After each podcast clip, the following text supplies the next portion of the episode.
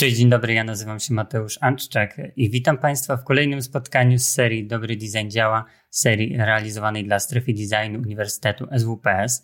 Szanowni Państwo, to już jest nasze piąte spotkanie w ramach tego cyklu. E, cyklu, gdzie przyglądamy się projektowaniu graficznemu i szukamy w nim różnych procesów i różnych możliwości. Za nami kilka ciekawych spotkań i przed nami, myślę, jeszcze wiele, mm, wiele ciekawych e, perspektyw na samo projektowanie i dzisiaj jedno z nich. Będziemy mówić o czymś, co ja w opisie spotkania określiłem jako coś e, bardzo często niewidocznego, czyli właśnie o typografii. Jest to coś, e, co uważam za bardzo trudne, w, jeżeli chodzi o ten obszar projektowania graficznego.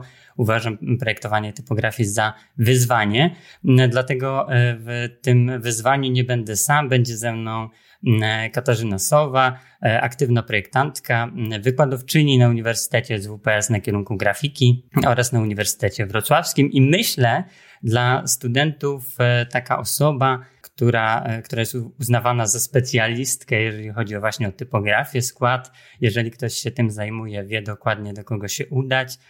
I mm, mówię to e, z perspektywy członka zespołu katedry grafiki, ale również absolwenta Mm, więc, e, więc faktycznie jest to osoba taka, do której zawsze mm, fajnie się udać, bo jest po co. I właśnie my dzisiaj również się do Ciebie, Kasiu, udajemy. Dzień dobry. Dzień dobry, dobry wieczór. Witam wszystkich słuchaczy. Cieszę się, że mogę tutaj z Państwem e, być i odpowiadać na pytania.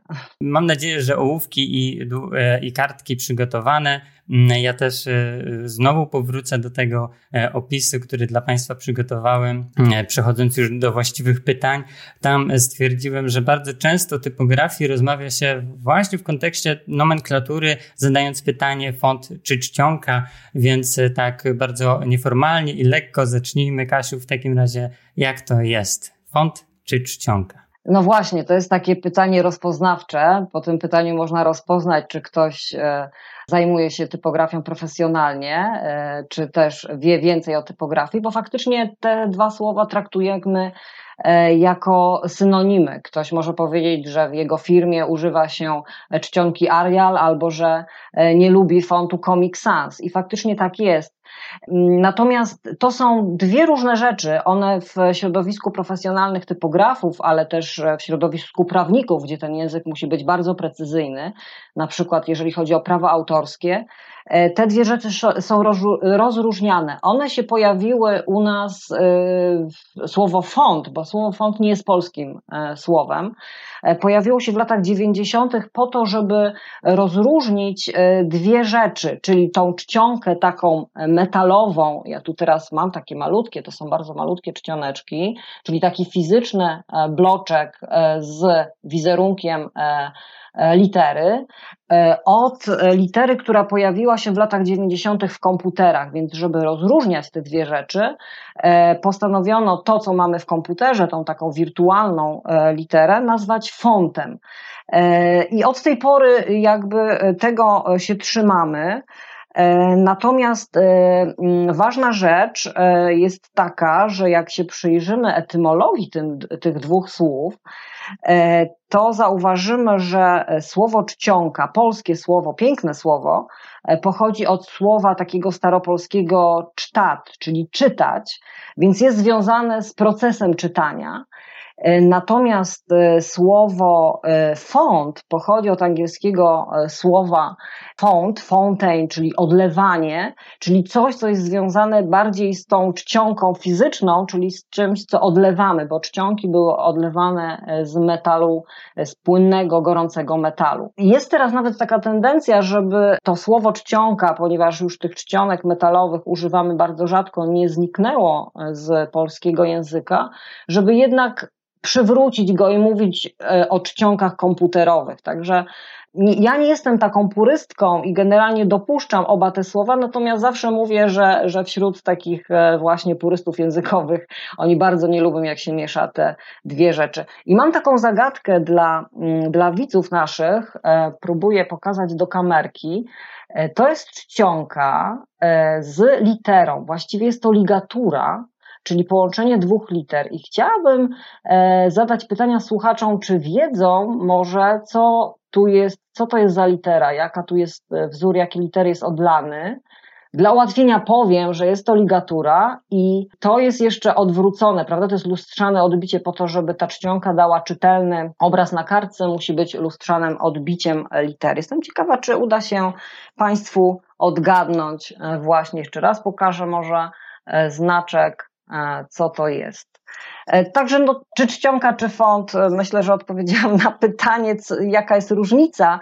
Generalnie, jak mówimy o obrazie liter, o tym, że podoba nam się, no żeby już nie używać słowa font czy czcionka, to mm, polecam stosowanie słowa krój pisma, bo wtedy zwracamy uwagę na wygląd, a nie na nośnik, bo to czcionka jest nośnikiem, tak samo jak i font nośnikiem właśnie E, kroju pisma. Właściwie wyprzedziłaś takie moje podpytanie do tego, e, czy krój pisma to nie jest po prostu wyjściem. I jeszcze tak e, dostaję informację, że nasi odbiorcy odpowiedzieli, że jest to połączenie literki F i L. O, super. Dobrze, świetnie. Druga z takich opcji, która się pojawiła, to połączenie literki N oraz T oraz N plus F. Nie, nie, jest to jednak ligatura F i L, dwóch liter. No cała też sztuka jakby, która polegała na odlewaniu takich liter i przyczyna, dla której ligatury powstały też jest, e, też jest ciekawa, bo ligatury mamy do dzisiaj, nawet w tych komputerowych naszych nośnikach, one ciągle są.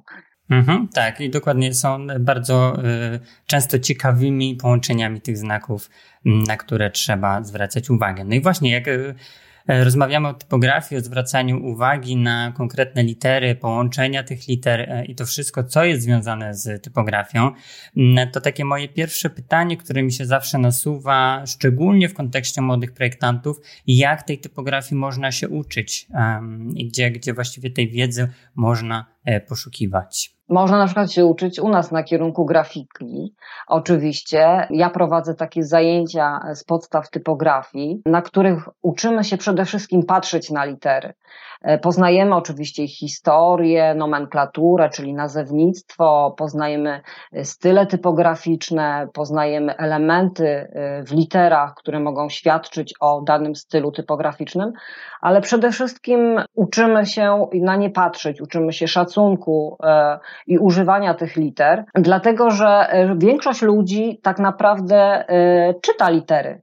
E, my litery przede wszystkim czytamy, no bo one do tego są, e, prawda? A mniej osób e, na nie patrzy, dlatego to patrzenie na typografię jest, jest takie ważne. Oczywiście jest bardzo dużo książek na ten temat, więc można też tę wiedzę czerpać z książek, ale nic nie zastąpi jednak takiego wprawnego oka.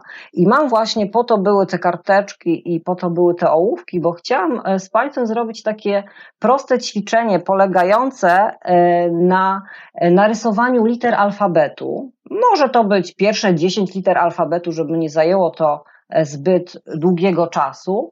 I zadanie polega na tym, żeby narysować e, do tych liter e, szeryfy.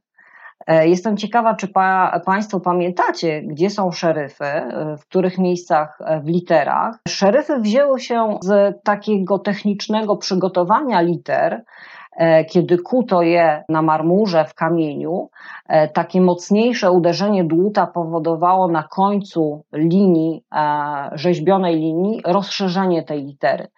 I E, w pewnym momencie te szeryfy przeszły jakby do kanonu liternictwa i stały się takim elementem e, nierozłącznym z literą. Myślę, że już Państwo e, kilka tych liter czy kilkanaście narysowali. Mam nadzieję, że udało się narysować też te szeryfy. Możemy pokazać też rozwiązanie właśnie, gdzie te szeryfy w literach są. Oczywiście to są takie stopki, jeżeli ktoś nie wie, które są na końcach trzonów liter liter.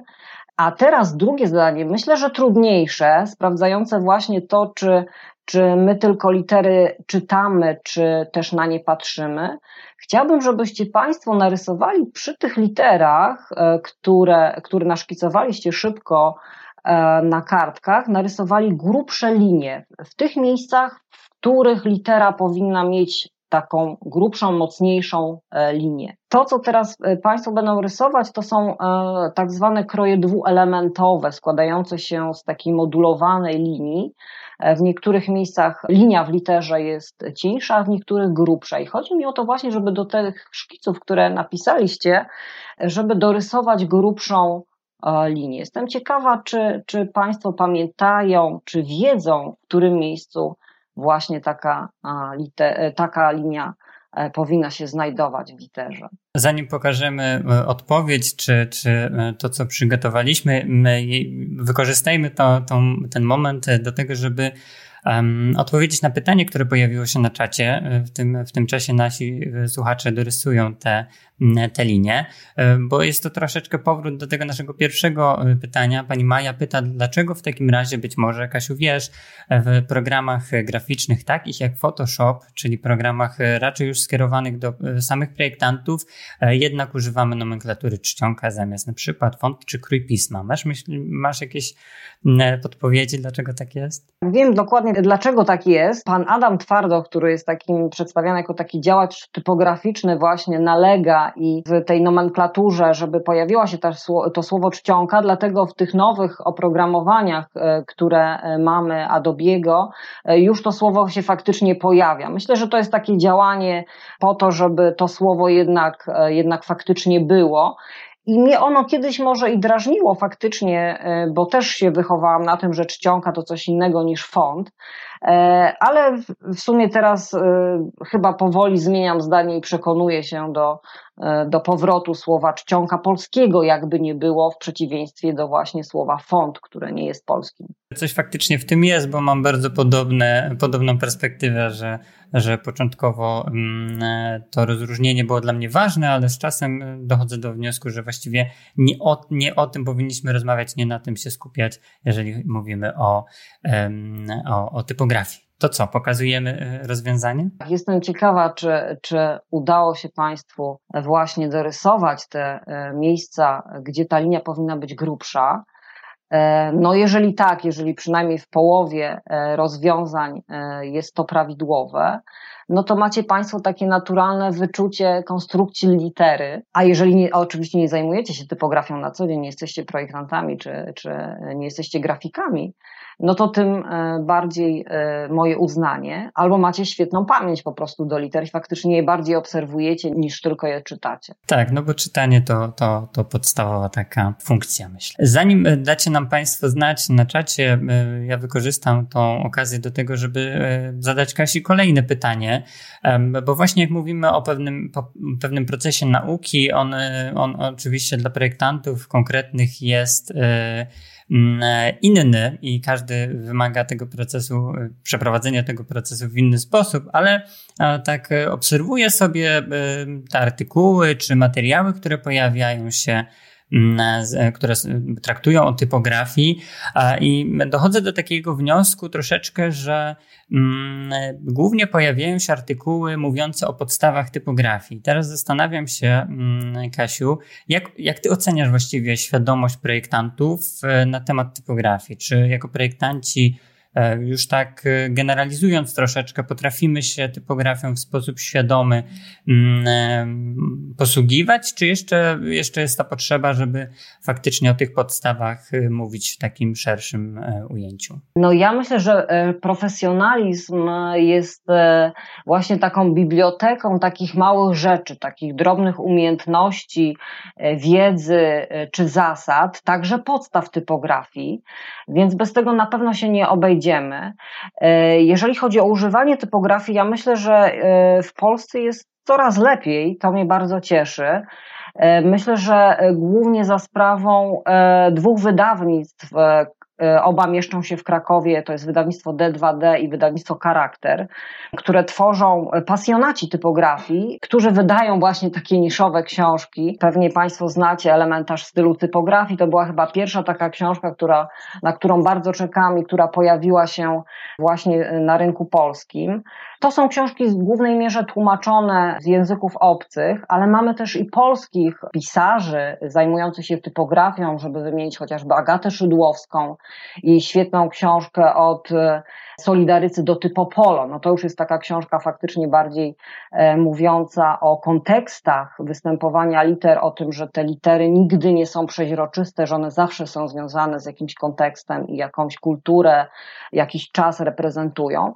E, mamy też oczywiście Andrzeja Tomaszewskiego, e, nieżyjącego już niestety Krzysztofa Lęka, ale który napisał piękną książkę Podaj dalej, która dla mnie jest takim podręcznikiem do nauki na przykład innych typografii, o tym, jak uczyć typografii innych. E, no mamy Tomasza Bierkowskiego, Jacka Mrowczyka, Patryka Hardzieja, który wydał teraz piękną taką książkę o znaku CPN. Także mamy też polskich projektantów, ale dzięki temu, że najpierw zostawały wydawane właśnie te takie podręczniki, one cały czas są wydawane, e, no to ta świadomość myślę, że że na pewno rośnie. Z takich bardziej zaawansowanych e, książek, ja tu przygotowałam sobie cztery, to są takie cztery książki niepozorne, malutkie, to już nie są podręczniki, to są eseje o typografii, e, czterech e, takich niemieckich projektantów, którzy opisują w nich swoją kuchnię projektową tak naprawdę. One się ukazały w serii Estetyka Książki i to są książki, które tak naprawdę uczą, myślę, że bardziej przez zadawanie pytań. Ale to już jest ta półka jakby wyżej, po tych podręcznikach do typografii. Polecam takiego typu eseje, ale podręczniki też są potrzebne. Ja wiem o tym sama. To jest ostatni podręcznik, podręcznik, no, książka, która mówi o podstawach też typografii, e, o takim trudnym polskim tytule Stwórz i złóż e, wprowadzenie do typografii e, i takiej bardzo odważnej różowej okładce, z której bardzo dużo się nauczyłam, więc e, mimo, że zajmuję się tą typografią jakiś czas, to jednak nawet taki podręcznik i jak to tu jest wprowadzenie do typografii też e, wiele mi dało do myślenia. Także mm, Oceniam polskie projektowanie jako no, dzięki tym książkom coraz lepsze. I polecam e, właśnie, czy e, to korzystanie e, z naszej wiedzy na uczelni, czy obserwowanie przede wszystkim liter, czy właśnie korzystanie z książek, które, których naprawdę jest dużo. Ja jak zaczynałam pracować ze studentami, to właściwie y, zawsze przynosiłam na pierwsze zajęcia stos książek, to, to Mateusz wie o tym. I tych książek później przynosiłam coraz więcej, coraz więcej. E, te listy lektur e, też się e, zwiększają i, i właściwie trudno to dzisiaj na przykład skonsumować. Ja te książki czytałam po kolei, kiedy one się ukazywały, miałam, tę, miałam tę przyjemność, że na nie czekałam. No teraz jest ich, ich naprawdę dużo, ale jest czym wybierać i, i zachęcam, E, I też zapraszam e, słuchaczy e, do, czy widzów naszych do przeczytania takiego mojego artykułu, gdzie mówię o pięciu książkach, które polecam właśnie do typografii. Artykuł ukazał się dzisiaj na strefie designu. Opisuje bardzo szczegółowo i to nie tylko od strony treści, ale też od strony wizualnej, od tego, jak one są zaprojektowane, jakich krojów pism używają E, no bo typografia, e, widzicie, no jest w książkach, ale też e, i o książkach można, można dużo, dużo mówić. To właśnie chyba jest taka specyfika generalnie projektantów, że nawet jak dostajemy do rąk książkę, gdzie teoretycznie powinniśmy skupić się jedynie na treści, ta nasza analiza y, y, sięga zupełnie e, różnych e, obszarów, tak jak, jak mówisz. Oczywiście zachęcamy do tego, żeby zajrzeć na strefę designu. Ja dodałbym mm, nawet, e, że nie tylko po, po ten artykuł, o którym wspominasz, ale prze, po taką serię, która, która się pojawiła twoją, odnoszącą się właśnie do podstaw typografii, która myślę jest świetnym, mm, świetnym wstępem do tego, żeby też ten, tą przygodę z, z typografią rozpocząć. Więc e, oczywiście zachęcamy, mam nadzieję, że te linki na czacie się dla Państwa pojawią. Ale no właśnie, jak mówimy, mm, o nauce, o, o, czerpaniu z różnych źródeł, tak jak wspomniałeś, jest wiele książek, e, a to e, taka lampka mi się zapala, że chyba jest e, o czym mówić w takim razie, a zazwyczaj jest o czym mówić, gdy coś jest skomplikowane, gdy coś jest złożone. Mm, ja też wspomniałem o tym na początku, że uznaję typografię, projektowanie typografii za coś ciężkiego, trudnego, jakkolwiek to nazwiemy, za coś, co będzie wyzwaniem i teraz jak myślisz, dlaczego właściwie, bo, bo to chyba nie tylko moja perspektywa, dlaczego uznajesz się projektowanie typografii za coś ciężkiego czy najtrudniejszego z tego obszaru projektowania graficznego? Jak sądzisz? No widzisz, jak y, pracujesz nad, załóżmy, folderem y, dla jakiejś firmy, no to dostajesz, załóżmy, że ten folder jest ośmiostronicowy, dostajesz od, y, od firmy, od zleceniodawcy jakąś zawartość. Dostajesz zdjęcia, a może tylko sam tekst, ale generalnie pracujesz już na czymś, co, co masz. Nie, nie siedzisz nad pustą kartką, raczej starasz się wykorzystać te materiały w sposób tak, żeby były spójne i, i pasowały do, do założeń e, firmy. E, natomiast, no i siedzisz na takim folderem, nie wiem, może tydzień, może cztery tygodnie. Natomiast jeżeli projektujesz krój pisma, e, to właściwie siadasz nad taką pustą kartką. Każdą literę musisz narysować, prawda? Mamy duże, małe litery, pracujemy krzywymi Beziera. Niektórzy sobie lepiej radzą z nimi, niektórzy nie. Tych znaków nieliterniczych, bo oprócz znaków literniczych mamy też znaki nieliternicze, czyli, czyli cyfry, przecinki, kropki, takie mniej może spektakularne, ale które są bardzo potrzebne. No i wszystko musisz zrobić sam, prawda? Jeszcze jest tak, że litery muszą być ze sobą spójne, więc te litery, które narysujesz, zaraz porównujesz z tymi już narysowanymi. Łukasz Dziedzic fajnie opisywał jakby proces projektowania, jak się go ktoś zapytał, jak projektuje litery, w jaki sposób, i to świetnie e, opisuje e, tą dziedzinę, powiedział, że noc, dzień, noc, dzień, noc, dzień. Na pytanie, dlaczego tak, powiedział, że wtedy, kiedy pracuje cały czas nad jedną rzeczą, jego mózg e, jakby jest włączony w projekt i nie gubi tej spójności.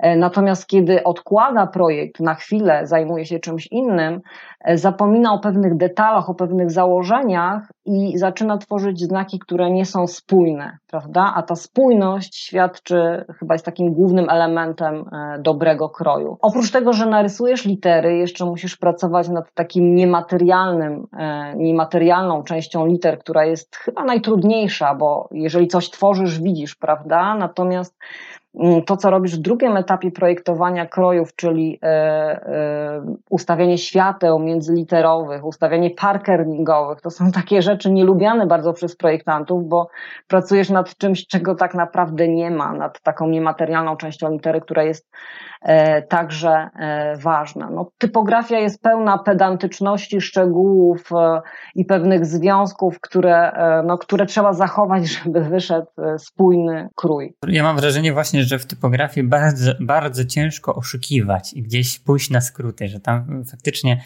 każda ta przestrzeń, każda ta kropka czy kreska musi być idealna. I to od razu mi do głowy przychodzi um, to moje podejście do projektowania znaku, no bo oczywiście typografia to również operowanie znakami, ale mam tutaj na myśli znaki mm, graficzne rozumiane jako właśnie e, piktogramy czy, e, czy logo, gdzie tam właśnie ten detal też jest bardzo istotny e, i, i ten troszeczkę też minimalizm, taka oszczędność, esencja i to też bardzo, bardzo mm, mi się kojarzy z tym, z tym o czym mówiłaś, więc, więc gdzieś ta nić porozumienia myślę między nami na tym poziomie jest. Ale przychodzi w, mm, na etapie projektowania i właśnie generowania pewnych też e, idei, czy już e, faktycznie przy, przy tym etapie kreacji taki moment, kiedy musimy zastanowić się, czy to jest dobre. I to dobre bardzo często jest czymś mocno subiektywnym czy kontekstowym, ale teraz pojawia mi się takie pytanie w takim razie, jakie kryteria właściwie można przyjmować przy ocenie typografii? Bo, bo jak bo samo powiedzenie, czy dana typografia jest dobra, to trochę za mało. Y, tutaj znowu odwołuję się do mojej perspektywy jako projektanta znaku, że też właściwie ciężko określić, co to dobre znaczy, więc y, ja wychodzę y, raczej od tych elementów, czy jakby perspektyw postawionych na te kryteria, o których tutaj mówię. Może w typografii są takie, na które powinniśmy jako projektanci zwracać uwagę. Jakie by to były według Ciebie? No, przede wszystkim musisz patrzeć na to, czy typografia, którą tworzysz, czy którą e, próbujesz ocenić, spełnia założenia projektowe. Typografię w ogóle możemy podzielić na takie e, dwie grupy. Typografia do czytania, czyli takie kroje dziełowe, gdzie tą oceną będzie na pewno czytelność, prawda? Czy one są czytelne, e, czy bloki tekstu, które się składa takimi literami, czyta się płynnie. I tu e, musimy no, wpisać się w takie ramy jednak e, e, tradycji, bo jesteśmy przyzwyczajeni do czytania jakichś liter, więc no teraz, jeżeli zaprojektujemy projekt kroju dziełowego, w którym czytelnik się zastanawia i jest zdziwiony jego wyglądem, no to chyba nie osiągnęliśmy tego efektu. E, no i drugi taki dział typografii to jest e, typografia, która ma za zadanie przyciągnąć uwagi, czyli, e, uwagę, czyli z jednej strony czytelność, a drugi typografia, która ma przyciągnąć uwagę to są litery tytułowe, tak zwane displayowe, służące właśnie do tego, żeby, mm, żeby wyłapać uwagę widza, i tu możemy na pewno sobie pozwolić na troszeczkę mm, więcej. No ale przede wszystkim należy ją oceniać pod względem e, spełnienia jakby założeń projektowych, czyli inna będzie typografia do długiego czytania, inna typografia do nagłówków. I tu też nie chodzi o piękno tak naprawdę. E, dobry krój nie musi być piękny, on musi pasować do kontekstu, do założeń, do klimatu, e, gdzie ma być wykorzystany do e, treści, jaką, e, jaką ma unieść. No i przede wszystkim też litery muszą być spójne, prawda? Czyli czasami jakąś literę trzeba troszeczkę skrzywić, zrobić mniej estetyczną, tak można by powiedzieć, ale jeżeli to będzie, ona będzie spójna z resztą, to, to myślę, że krój będzie dobry.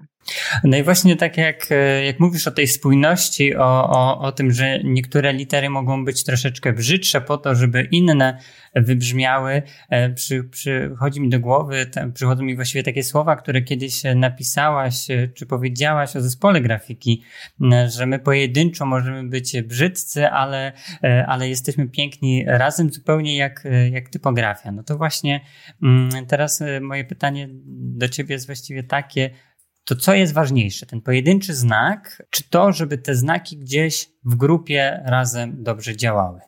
E, jest taka maksyma typograficzna, że, e, że dobry krój to nie piękne litery, ale piękny zbiór liter.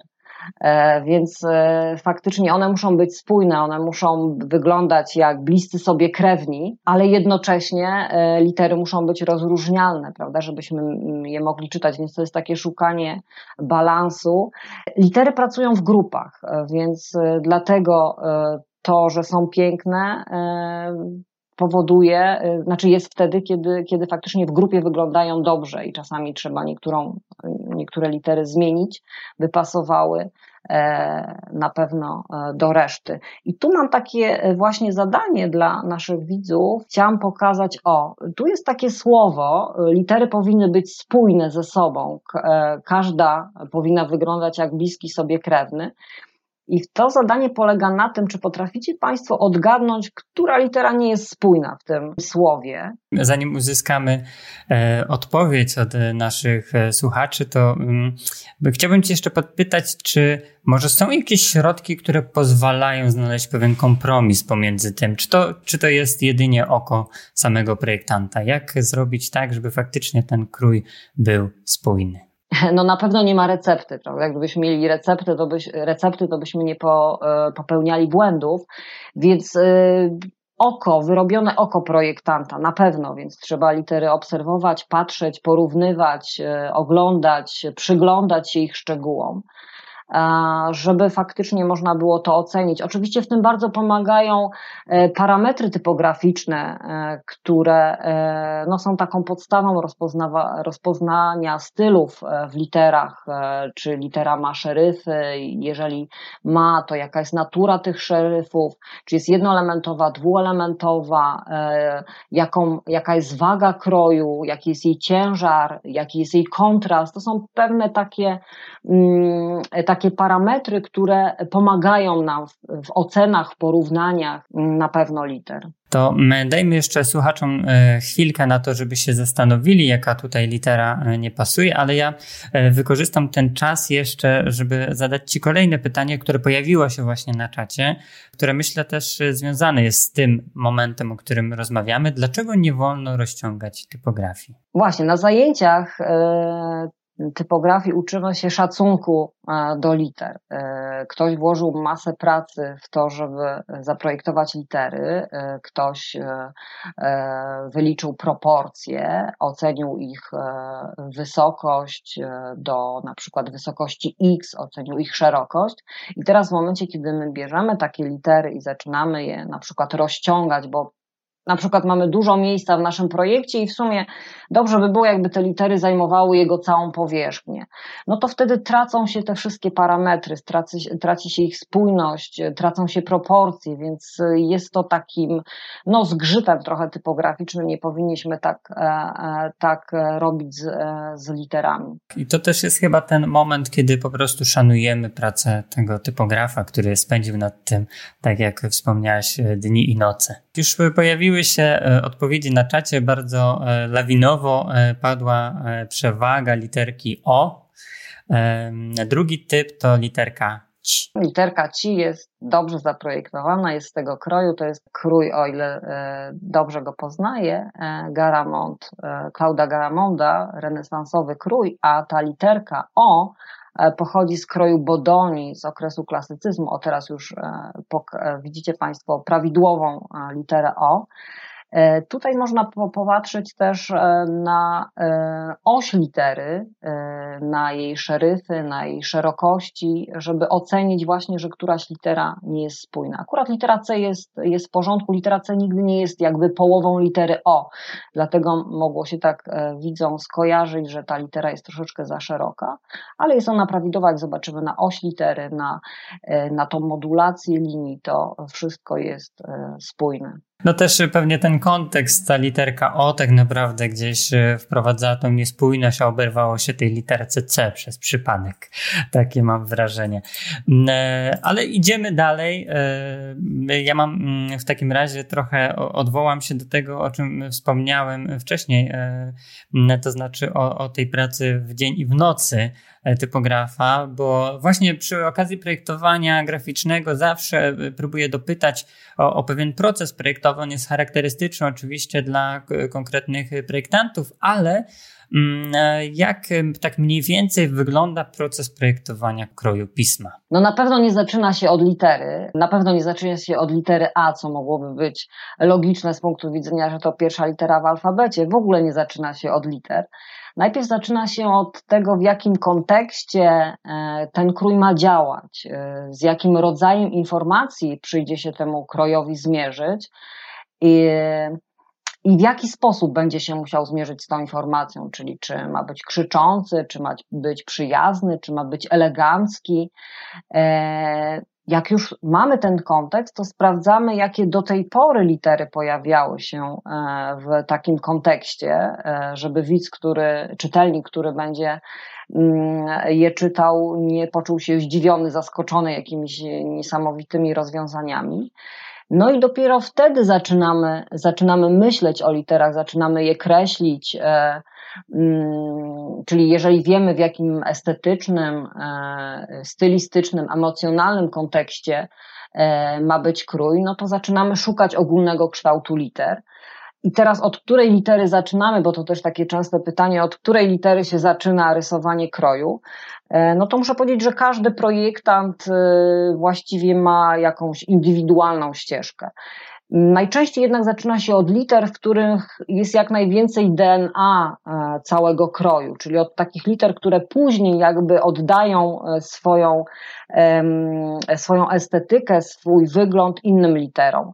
E, Matthew Carter na przykład w takim filmie, który bardzo polecam a propos typografii Helvetica, mówi, że on zwykle zaczyna od litery H, dlatego że litera H już określa to, jaka jest proporcja wydłużeń górnych, od małego H oczywiście, e, jaka jest proporcja wydłużeń górnych, e, e, jaka jest wysokość X, to jest litera obustronnie prosta, e, jakie ma szeryfy, jeżeli to jest krój szeryfowy, to już w tej literze takie informacje są. A później zaczyna e, rysować literę O, która jest okrągła, czyli jest, jest takim przeciwieństwem troszeczkę litery H, e, bo na tej literze na przykład e, O już można zawrzeć to, czy krój jest dwuelementowy, czy jednoelementowy. Jeżeli jest dwuelementowy, to jak przebiega oś tej litery. Jak już ma te dwie litery, oczywiście zaraz zaczyna je składać. Bardzo ważne w procesie projektowym jest to, żeby mm, litery zaraz łączyć ze sobą, a najlepiej łączyć je już w jakieś wyrazy, bo, bo ta funkcja czytania właśnie jest takim najlepszym doradcą tego, czy krój jest dobry, czy spełnia swoje zadanie, jeżeli odczytujemy grupę liter. No i później tworzymy kolejne. Mamy H, no to już mamy N na przykład, prawda? Mamy N, mamy M, mamy U. E, jeżeli mamy O i mamy H, no to możemy zacząć projektować B. Jak mamy B, to mamy P, e, Q i tak dalej, i tak dalej. Więc ten proces jakby zaczyna się od tych liter, których jest największa e, informacja, czyli takie DNA kroju.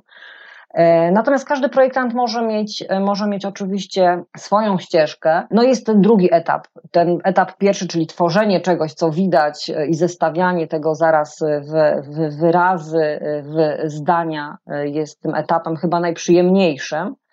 No ale jest ten etap drugi, o którym już wspomniałam, znacznie mozolniejszy, mniej spektakularny, bo pracujemy nad czymś, czego właściwie nie widać, ale jest to nie mniej ważne niż, niż e, ta e, litera materialna, prawda? Czyli światło międzyliterowe, o tym mówię, o parach kerningowych. Bardzo żmudny proces, wymagający wielu testów, e, poprawiania, znowu testów, znowu poprawiania i tak właściwie możemy bez końca robić.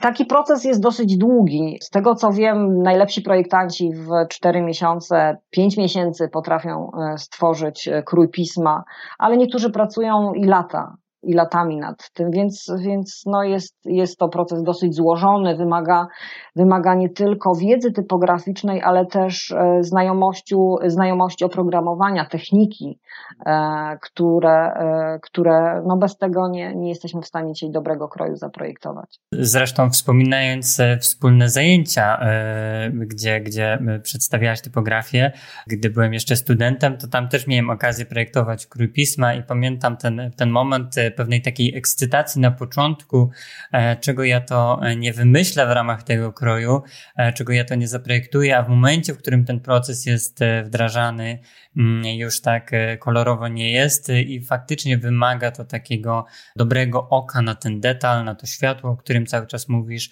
więc to chyba stąd, stąd mówi się o tym, że jest to takie takie trudne w tym projektowaniu. Ale właśnie mówimy o, o pewnym detalu i mam wrażenie, że ten detal jest bardzo um, charakterystyczny i wymagany w kontekście projektowania typografii mm, i jest to raczej coś małego, jakaś taka mała forma wizualna, estetyczna, która wyróżnia dany krój. No i teraz y, moje pytanie, po tylu latach i po tylu projektantach krojów, jak myślisz, jest szansa jeszcze zaprojektować krój, którego nigdy nie było? No właśnie, nasze litery są z nami już przeszło 2000 lat i cały czas powstają jakieś nowe kroje pism. E, przypomniała mi się taka, taki esej e, takiego włoskiego grafika, projektanta Bruno Munari. On napisał taki e esej pod tytułem e, To jeszcze nie wszystkie. E, w eseju ty przez bodajże 10 stron e, rysuje krzesła i fotele, robi takie szkice i tych krzeseł chyba tam mo może być około 200 tytuł eseju, jeszcze raz powtórzę, to jeszcze nie wszystkie. No i pisze właśnie, że według badań e, odbiorcy oczekują, by te krzesła czy fotele były wygodne, bogate, fikuśne, nie wiem, e, szorstkie, wąskie, rustykalne, proste, ozdobne, miękkie, wysokie, niskie, dlatego że chcą je używać na tarasie, w domu, w biurze, E, nie wiem, pójść z nimi na ryby i tak dalej. Ja myślę, że to dokładnie tak można powiedzieć o krojach pism. Mamy tyle różnych e, miejsc, gdzie możemy je wykorzystać i tyle różnych stylów, e, że zawsze będą jakieś potrzebne, bo zawsze będą potrzeby ich odbiorców.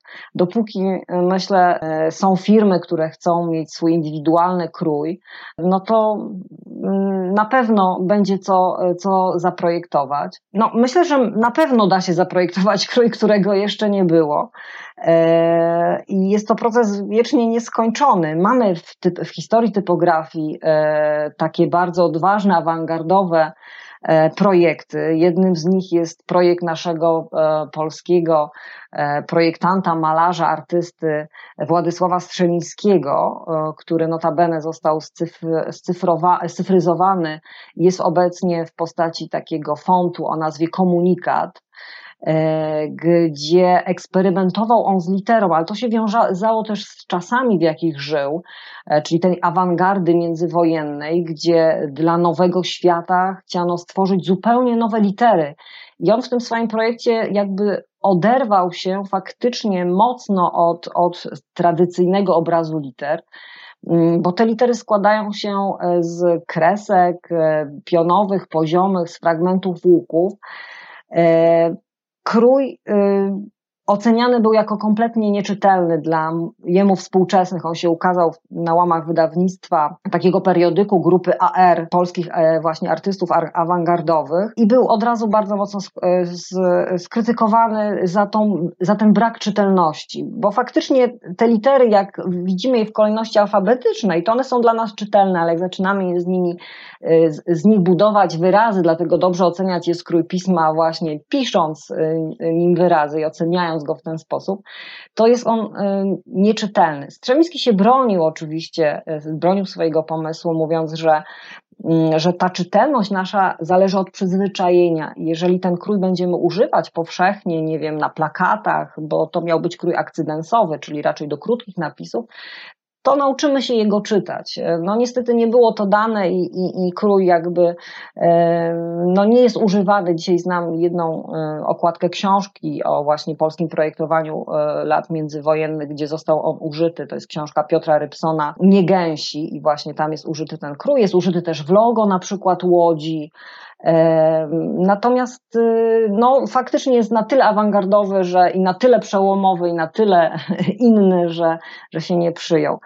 Ciekawym też projektem jest taki New Alphabet y, Wima Cruella, y, który odpowiadał na taką potrzebę zaprojektowania liter, które będą y, dobrze widoczne i z którymi ekrany o niskiej bardzo rozdzielczości, monitory właściwie, kineskopy CRT będą sobie radziły. To też niesamowity projekt, zupełnie inny, z ciekawymi rozwiązaniami i taką odpowiedzią właśnie projektową na to, że że jeżeli te niskorozdzielcze ekrany nie radzą sobie z tradycyjnymi krojami, no to wymyślmy taki krój, w którym będą sobie radziły. Też bardzo ciekawy projekt, więc nie wiadomo, jakie będą w przyszłości potrzeby, więc na pewno będzie można zaprojektować krój, którego, którego jeszcze nie było. Faktycznie gdzieś te potrzeby się zmieniają, to też e, od razu przychodzi mi na myśl, czy jest miejsce na eksperymentowanie w typografii i myślę, że po tym, co mówisz, to miejsce się znajduje. Ale ja y, po, pozwolę sobie skorzystać z tych pytań e, z czatu, bo e, czasu zostało nam niewiele. I tutaj jest takie pytanie o to, co powinno decydować o tym, jaką wersję litery, która ma kilka popularnych form, powinniśmy wybrać przy projektowaniu czcionki. Chodzi tutaj o takie przykłady jak literka A, G czy Q, gdzie mamy inaczej poprowadzone te, mm, te kształty. E, że w jednej literze mamy jeden brzuszek, a w innej zupełnie coś innego. Czy jest to decyzja tylko projektanta, czy, czy, czy składa się na to jakaś inna kategoria? No przede wszystkim jest to decyzja projektanta, ale te litery, które tutaj zostały wymienione, to są takimi e, moim zdaniem najciekawszymi literami alfabetu, gdzie e, można faktycznie bardzo dużo poprojektować. To są pewne litery, jak na przykład, nie wiem, litera Z, no, z którą no, mało co da się jeszcze zrobić, ale taka litera G, szczególnie małe G e, czy małe A, jest taką literą, gdzie tych rozwiązań może być faktycznie e, dużo. E, to też zależy od tego, co to ma być za krój. Czy to ma być krój oparty bardziej na, na tradycji, no to wtedy możemy zajrzeć, jakie w danym epoce, w danym wieku były rozwiązania stosowane i wtedy też je przenieść. Jeżeli to ma być krój nowoczesny, no to wtedy te rozwiązania są troszeczkę inne. To G jest prostsze, czyli w postaci takiego kółeczka i, i laseczki na dole. E, jeżeli to ma być krój bardziej tradycyjny, no to wiadomo, G tak zwane, ono się nazywa dwupoziomowe, prawda, gdzie mamy e, e, oczko, litery G, później mamy taki łącznik i, i, drugą taką na dole pętelkę. Jeszcze uszko mamy, to jest taka litera, która ma i oczko, i uszko. Więc no, to zależy od charakteru projektu, od, od kontekstu, e, w jakim ma się znaleźć, od tego, czy szukamy bardziej tradycyjnych rozwiązań, czy bardziej współczesnych. To wszystko można znaleźć w historii tak naprawdę typografii, jak te litery po kolei się pojawiały, jakie rozwiązania. Typografia ma to do siebie, już to też e, mówiłem e, przy okazji wprowadzenia, że mm, właściwie projektowanie graficzne bez typografii mm, nie idzie, nie da się.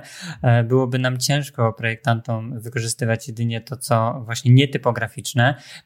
Stąd pytanie, myślę, pani Weroniki, e, która pyta o to, jak radzić sobie z dobraniem e, fontu do projektu, żeby nie popełniać błędów. No to tutaj już e, staram się na to odpowiedzieć. No przede wszystkim, jaki jest charakter tego projektu, prawda? Bo inny krój wybierzemy do projektu, do długiego czytania, do książki, do gazety, jeżeli chcemy go zestawić w kolumnie, więc raczej wybierzemy krój czytelny, ponieważ czytelność zależy od przyzwyczajenia, tak jak mówił Strzemiński, więc jak zobaczymy, mm, jakie kroje są używane przede wszystkim w książkach czy gazetach do długiego czytania, zobaczymy, że to są kroje szeryfowe, dwuelementowe, bo najwygodniej nam się czyta, może dlatego, że właśnie są często stosowane. E, jeżeli krój ma na siebie zwracać uwagę, jeżeli ma mieć jakiś określony charakter, no to musimy tego szukać e, właśnie w jego literach, e, w zależności od kontekstu, od tekstu, z jakim dany krój ma się zmierzyć. Więc y, no tu by trzeba było uściślić, y, prawda, jaki projekt. Na pewno inny krój wybierzemy do książki beletrystycznej, inny krój wybierzemy, nie wiem, do składu książki matematycznej. Natomiast znam y, takich kilka błędów, które może nie popełniali projektanci, ale użytkownicy, które powodowały to, że ich przekaz był e, błędnie e, odczytywany. Na przykład kiedyś e, w takiej pracy naukowej, fizycznej pojawił się krój Comic Sans, który akurat, akurat autorce tej pracy bardzo poważnej, bardzo naukowej się bardzo podobał. E, I ta praca została jakby zupełnie niezauważona przez to, że krój e, stwarzał taki klimat e, takiego czegoś bardzo luźnego, nieformalnego, nie był na tyle poważny, by udźwignąć ten tekst. Także no, z tym doborem no, trzeba znać troszeczkę historię typografii, trzeba się dużo naoglądać. Y, jeżeli nie wiemy, co wybrać, to zobaczmy, jak robią to inni. To jest bardzo też e, dobry sposób e, e, na podejmowanie własnych wyborów, czyli najpierw robimy takie badania, patrzymy, jak robią to inni, obserwujemy i później sami będziemy wiedzieli, jaki krój można by zastosować. Czyli no, no trzeba mieć troszeczkę wiedzy, czyli polecam e, książki o podstawach typografii, o historii typografii. Czyli, czyli wracamy do tego e, ciągłego uczenia się. Myślę, że faktycznie projektowanie to jest taki obszar, gdzie nie ma prostych odpowiedzi. One bardzo często, jak się o coś e, w kontekście projektowania o czymś się rozmawia, to pojawia się ta, ten frazes, że to zależy i tak myślę również jest w tym przypadku. Ale ja też e, gdzieś usłyszałem od jednego z projektantów, że taką e, najprostszą metodą w momencie, w którym e, może nie tak bardzo jesteśmy obeznani z typografią, jest przyjęcie tej metody, która zakłada, że dobieramy krój na zasadzie albo kontrastu, albo podobieństwa do czegoś, na potrzeby czego projektujemy. Więc może to jest jakaś taka metodyczna podpowiedź. To może masz na myśli łączenie krojów, tak? Jeżeli e, chcemy połączyć dwa kroje, to e, najlepiej na zasadzie kontrastu, e, a najbezpieczniej tak naprawdę używać jednego kroju pisma, który ma bogatą rodzinę. Wtedy możemy użyć jego, jego odmian wersji bold, light do zaznaczenia pewnych fragmentów tekstu, do, do ich, ich wyróżnienia. Natomiast tak, jeżeli używamy kilku krojów, raczej mm, jestem za tym, żeby mieć tą oszczędność taką typograficzną, czyli nie łączmy zbyt wielu ze sobą, ale jeżeli już chcemy, to na pewno na zasadzie kontrastu, czyli kroje szeryfowe z, nieszeryfo, z, z, z krojami bezszeryfowymi, czyli tak zwanymi groteskami. Jest to jakaś metoda. Ale tak y, dużo mam wrażenie, y, wybrzmiało tutaj o pewnym poziomie spójności e, i pani Ada nas trochę kontruje i pyta, czy kroje pism, które z założenia mają być krojami odręcznymi bez tego etapu ich digitalizacji, również powinny zachować spójność tych samych liter ze sobą? E, no, e, krój ręczny, odręczny, czyli taki wrażeniowy, indywidualny, pisany przez nas, no nie może być, bo będzie wyglądał sztucznie, prawda? Jeżeli będziemy starali się bardzo każdą literkę upodobnić, każdą A, każdą B do kolejnych liter. Więc ta sztywność chyba w kroju ręcznym akurat, akurat nie jest dobrym rozwiązaniem.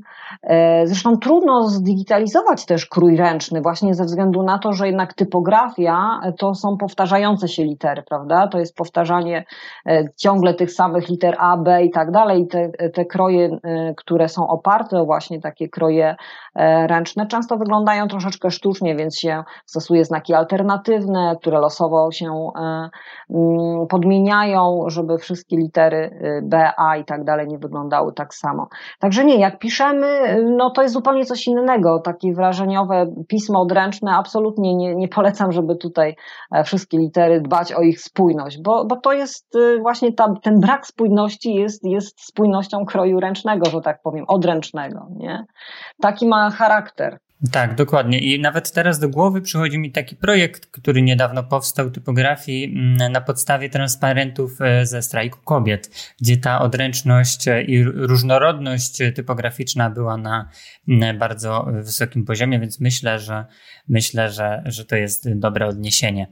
E, I myślę takie jedno z ostatnich już pytań na dzisiaj, bo, bo tych tematów o typografii możemy tak naprawdę poruszyć jeszcze bardzo wiele, ale pani Justyna pyta, pyta o, o, to, że mm, przy projektowaniu graficznym, na przykład plakatu, lepiej przed odesłaniem tego projektu do klienta popatrzeć na niego jeszcze świeżym okiem na drugi dzień, po prostu dając sobie taką przerwę. A jak jest przy projektowaniu krojów pism? Bo mówiłaś o tym, że e, aby zachować pewną spójność, e, lepiej robić to, e, powiedziałbym, na jednym wdechu, a, ale może jest też potrzebna taka przestrzeń do tego, żeby się zastanowić.